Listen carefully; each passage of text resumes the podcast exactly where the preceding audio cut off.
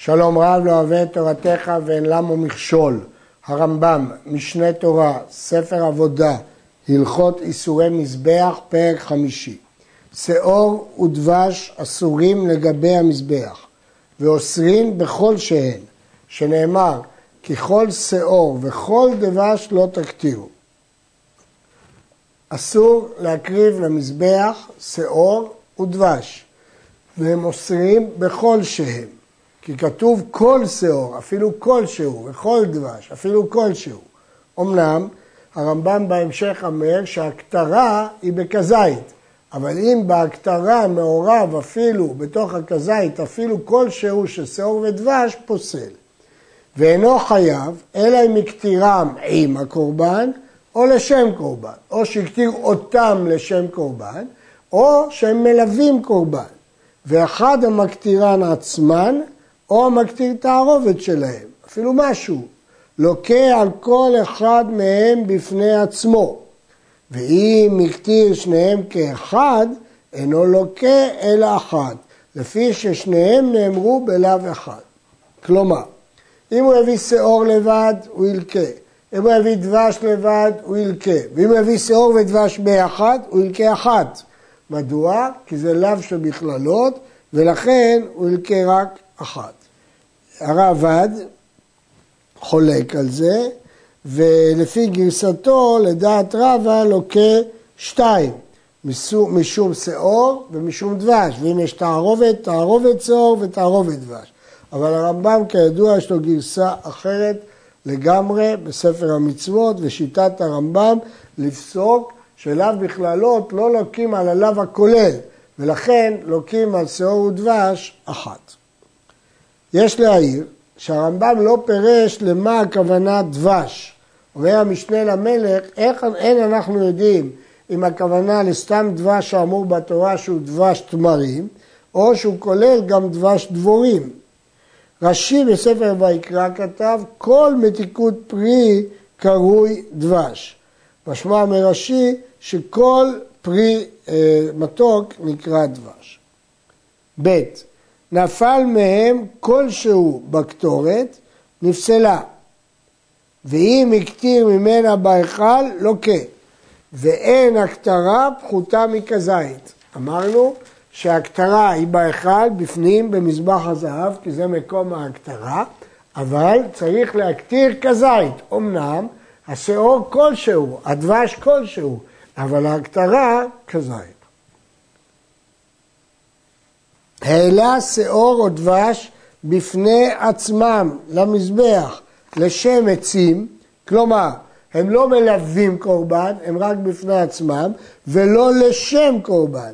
כיוון שזה לא לשם קורבן, וזה לא מלווים קורבן, אלא עצים, פטור. שנאמר, ולמזבח לא יעלו לריח ניחוח. לריח ניחוח היא אתה מעלה, אבל אתה מעלה לשם עצים. אפילו הקטיר דבר שאינו ראוי להקטרה בדבש או בשאור, הואיל והוא מן הקורבן, לא כן. כלומר, ישנם חלקים מהקורבן שמקטירים אותם על גבי המזבח, וישנם חלקים מהקורבן שלא מקטירים אותם על גבי המזבח. גם אם הוא הביא את השאור הדבש עם החלקים שלא מעלים אותם על המזבח, אבל הם חלק מהקורבן, לא כן. כיצד? המעלה מבשר חטאת ואשם, או מבשר קודשים קלים, או משיירי המנחות, שאת זה הכוהנים אוכלים, או ממותר העומר שהכוהנים אוכלים, או מחטאת העוף שהכוהנים אוכלים, או מלחם הפנים או שתי הלחם, או מלוג שמן של מצורע, כל הדברים האלה נאכלים, אבל הם חלק מהקורבן. המעלה כזית מאחד מאלו, כי כל הכתרה היא בכזית. בחמץ או בדבש, בין למזבח בין לכבש, לוקה. לא אף על פי שאין כל אלו ראויים להכתרה, הם חלקים הנאכלים. הואיל והם קרויים קורבן, חייב עליהם, שנאמר קורבן ראשית תקריבו אותם להשם. אם כן, כיוון שהוא הקריב שאור או דבש עם החלקים האלה, הוא לוקה. וגם אם הוא יקריב את החלקים האלה בפני עצמם בלי שאור ודבש הוא ילקה. וכן אסור להקטיר, זה אסור, סליחה, לא ילקה אבל יהיה אסור. וכן אסור להקטיר למזבח דבר מכל דברים אלו שאינם ראויים להקטרה, כגון מסך הטהרות והאשמות שערי מנחות כיוצא בהם, מפי השמועה למדו שכל דבר שמקצתו לאישים, הרי שעיריתו בבל תקטירו. אז למה לא לוקה? כי האיסור לא מפורש בתורה. כלומר, כל חלק מהקורבן שמוקטר, אז גם אם יקטירו חלק שלא מוקטר, עוברים על זה בבל יקטירו. ואם הקטיר אותם עם שאור ודבש, לוקה בדין השאור והדבש. הרעב"ד חולק על כל דברי הרמב"ם הללו, ואומר שהם כולם טעות. מדוע? הגמרא אומרת, מניין למעלה מבשר חטאת ובשר אשם וכולי על המזבח שהוא בלא תעשה, שנאמר ככל שאור וכל דבש לא תקטירו ממנו, ממנו אישה להשם. כל שממנו אישה להשם בבל תקטירו. אם יש קטע שמקריבים להשם בל תקטירו. אומר הרמב"ן, זה סוף של פסוק שמתחיל בשאור ודבש, אבל הגמרא בכלל לא התכוונה לשאור של דבש. הגמרא התכוונה רק לקטע האחרון של הפסוק, ממנו אישה להשם, שכל דבר שחלק ממנו מוקטר, החלק האחר אסור. בכלל לא דיברה על שאור ודבש. והוא אומר, טוען שהרמב"ן טעה בברייתא. וכסף משנה אומר, חס ושלום שהרמב"ם טעה. הרי הרמב"ם עצמו בהלכה הבאה כותב בפירוש, כמו שלמדנו, שאם הוא מקטיר גם בלי שאור ודבש זה אסור כדברי הגמרא. אלא שהוא הבין שהפסוק כולל שאור ודבש, כי במקרה הזה, כשהוא הביא שאור ודבש, אז אפילו אם זה סתם, כן? אפילו אם נגיד שזה לא לשם עצים, אז זה אסור. כלומר, אם הוא הקריב את השאור ודבש עם אחד מהדברים הללו, הוא לוקה. וזה החידוש. כיוון שיש איתם צד קורבן, אז הוא לוקה. אלא שפה יש מחלוקת. לפי הכסף משנה, אפילו אם הוא הקריב אותם, הרי אמרנו קודם, שאינו חייב אלא אם הקטירם עם הקורבן או לשם קורבן. כלומר, אם העלה אותם בפני עצמם לשם קורבן, חייב, ואם העלה אותם לשם עצים, פטור. אבל אם הוא יקריב עם הדברים הללו, אפילו אה, עם הדברים האלה שלא ראויים לקורבן, זה לא נקרא לשם עצים, ולכן הוא יהיה חייב. לפי מרי קורקוס, לאו דווקא לשם עצים, אלא סתם. לפי כזו משנה אפילו לשם עצים. הלכה ו' המקטיר אברי בהמה טמאה על גבי המזבח לוקה. אף על פי שאיסור הקרבתה מכלל עשה, שהרי נאמר, מן הטהורה אכול ומן הטהורה הקרב. הטמאה לא תאכל ולא תקריב. כשם שלוקה על אכילת הטמאה הבא מכלל עשה כמו שביארנו במקומו, כך לוקה על הקרבתה. הרמב"ם אומר פה חידוש גדול, שאדם שמקטיר אברי בהמה טמאה על גבי המזבח לוקה. למה זה חידוש? כי מאיפה יודעים שאסור להקטיר? מעשה, שאמר מהטהורה הקרב, אז רק ממצוות עשה לומדים, אין לאו, אז איך הוא לוקה בלי לאו? אומר הרמב"ם חידוש.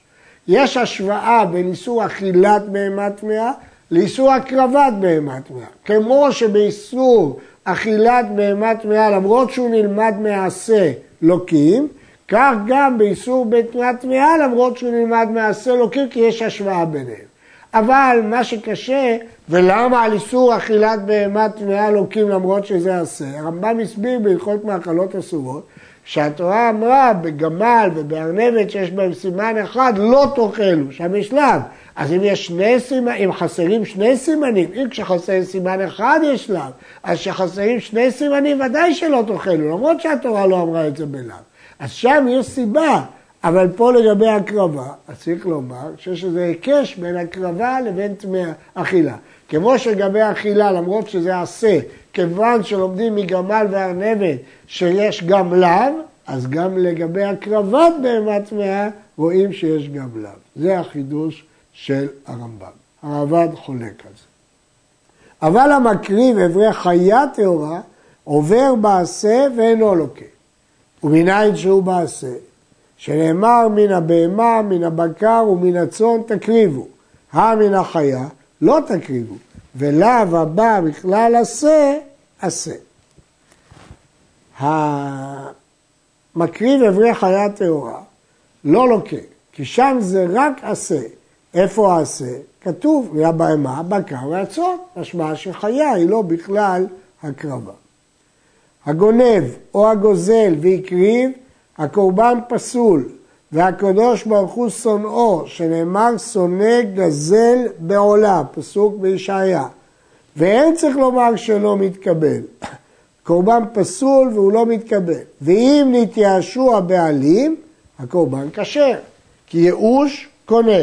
וכיוון שנתייאשו הבעלים, הקורבן כשר. יש להעיר פה שהרמב"ם בדרך כלל פוסק שייאוש לבד לא קונה, אלא רק ייאוש ושינוי רשות. אז כיצד כאן כותב הרמב"ם שאם יתייאשו הבעלים, הקורבן כשר כי הגנב קנה אותו. מארי קורקוס מבין שרואים את זה כאילו שינוי רשות כשהוא מקדיש אותו לקורבן. הכסף משנה אומר שהעמידו את הקורבן ברשותו כדי אה, לפוסלו. אה, בכל אופן, הרמב"ם פה פוסק שאם יתייאשו הבעלים, אז הקורבן אה, עולה. למה הקורבן עולה? כשר, כיוון שהייאוש קונה. ואפילו היה חטאת שהכוהנים אוכלים את בשרה. גם אז, מה גם אז? לכאורה גם אז הקורבן כשר, אם יש ייאוש, אבל זה פשיטא, כי אם עולה שהיא כולה למזבח, להשם, בכל זאת אתה מכשיר אם תהיה שובלים, כל שכן חטאת שהכוהנים אוכלים. כך שואל הרעב"ד, ולכן צריך לפרש שאפילו עולה על ההתחלה, מה שאמרנו בהתחלה שהקורבן פסול, כשהבעלים לא התייאשו, זה אפילו בחטאת. כלומר, לא רק שעולה כליל להשם זה פסול בגזול, גם כשהכוהנים אוכלים חלק זה פסול בגזול. ויש עוד אפשרות להגיד שאפילו מתייחס למשפט הבא שיבוא תכף. ומפני תקנת מזבח אמרו שהחטאת הגזולה אם נודע לרבים אינה מכפרת אף על פי שנתייאשו הבעלים כדי שלא יאמרו מזבח אוכל גזלות וכן העולה. בעצם אמרנו שייאוש היה צריך לקנות כפי שהסביר המרי קורקוס ייאוש ושינוי רשות אבל מפני תקנת המזבח שלא יגידו שהמזבח אוכל גזלות קברו שאפילו אחרי ייאוש חטאת הגזולה, אם היא מפורסמת, היא לא גנובה בסתר, היא גזולה בפרהסיה, ויודעים את זה, היא לא מכפרת.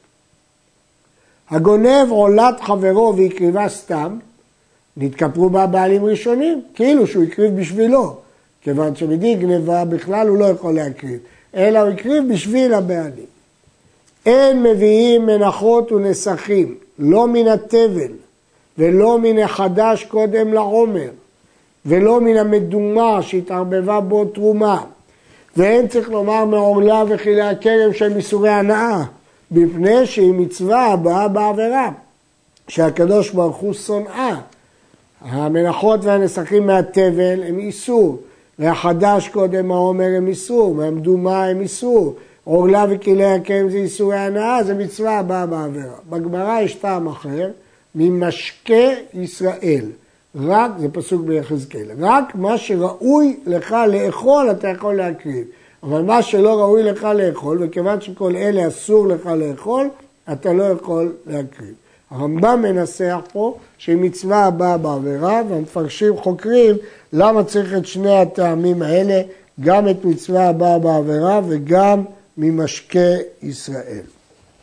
ואם הביא את הדברים הללו, לא נתקדשו להיותם ראויים לקורבן, אבל נתקדשו להיפסל ויהיו כקודשים שנפסלו.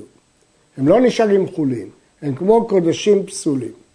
כל המנחות אין מביאים אותם מן החדש קודם שתי הלחם לכתחילה, אפילו אחרי העומר. לפני קורבן שתי הלחם לא מביאים מנחות, כי העומר מתיר את החדש במדינה, אבל במקדש שתי הלחם, שהרי נאמר בהם ביקורים להשם. שתי הלחם צריכים להיות ביקורים, ואם מביא, כשר. כיוון שסוף סוף עבר העומר, אז לכן זה כשר. אבל לכתחילה לא מביאים כי צריכים להיות ביקורים. שתי הלחם חייבים להיות ביקורים.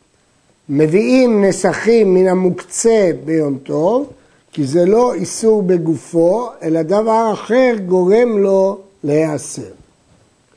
מצוות עשה למלוח כל הקורבנות קודם שיעלו למזבח, שנאמר על כל קורבן אחד תקריב מלח, ואין לך דבר שקרב למזבח בלא מלח, חוץ מניין הנסכים והדם והעצים.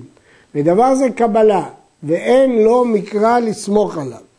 מכיוון שגם העצים נקראו קורבן. כתוב והגורלות הפלנו על קורבן העצים. ולכן הייתי חושב שאפשר, צריך למלוח, אבל זה דברי קבלה. הגמרא במסכת מנחות מביאה דברי רבי ישמעאל בנו של רבי יוחנן בברוקה שלומד את זה מכלל ופרט וכלל. דבר שמקבל טומאה ועולה לאישים וישנו על המזבח החיצון. אבל הרמב"ם כנראה הבין שהכלל ופרט וכלל הזה הוא רק מדברי קבלה. ומצווה למלוח הבשר יפה יפה כמולח בשר לצלי שמהפך את העבר ומולח יש גרסה כמולח לקדרה זאת הגרסה שלנו. הרמב"ם גורס לצלי. ואם הלך כלשהו, אפילו בגרגיר מלח אחד, כשר. המצווה לכתחילה למלוח יפה יפה, דהיינו להפך ולמלוח. אבל בדיעבד אפילו גרגיר מלח אחד כשר. הקריב בלא מלח כלל, אפילו בלי גרגיר אחד. לא שנאמר ולא תשבית מלח ברית אלוהיך. ואף על פי שלוקה, הקורבן כשר והוצא. חוץ מן המנחה, שהמלח מעכב בקמיצה כמו שהתבהר, שנאמר ולא תשבית מלח ברית אלוהיך מעל מנחתך. כלומר, במנחות המנחה פסולה בלי מלח. בקורבנות, הקורבנות כשרים, אלא שהוא לוקה ועבר על לא תעשה. המלח שמולכים בו כל הקורבנות משל ציבור. המלח שמביאים את הקורבנות צריכים להיות משל ציבור, כמו העצים, גם עצי המערכה. ואין היחיד מביא מלח או עצים לקורבנו מביתו. ובשלושה מקומות היו נותנים המלח, בלשכת המלח ועל גבי הכבש ובראשו של המזבח. בלשכת המלח היו מולכים אורות הקודשים, על גבי הכבש מולכים האיברים, ובראשו של המזבח מולכים הקומץ והלבונה ומנחות הנשרפות ועולת העוף. עד כאן.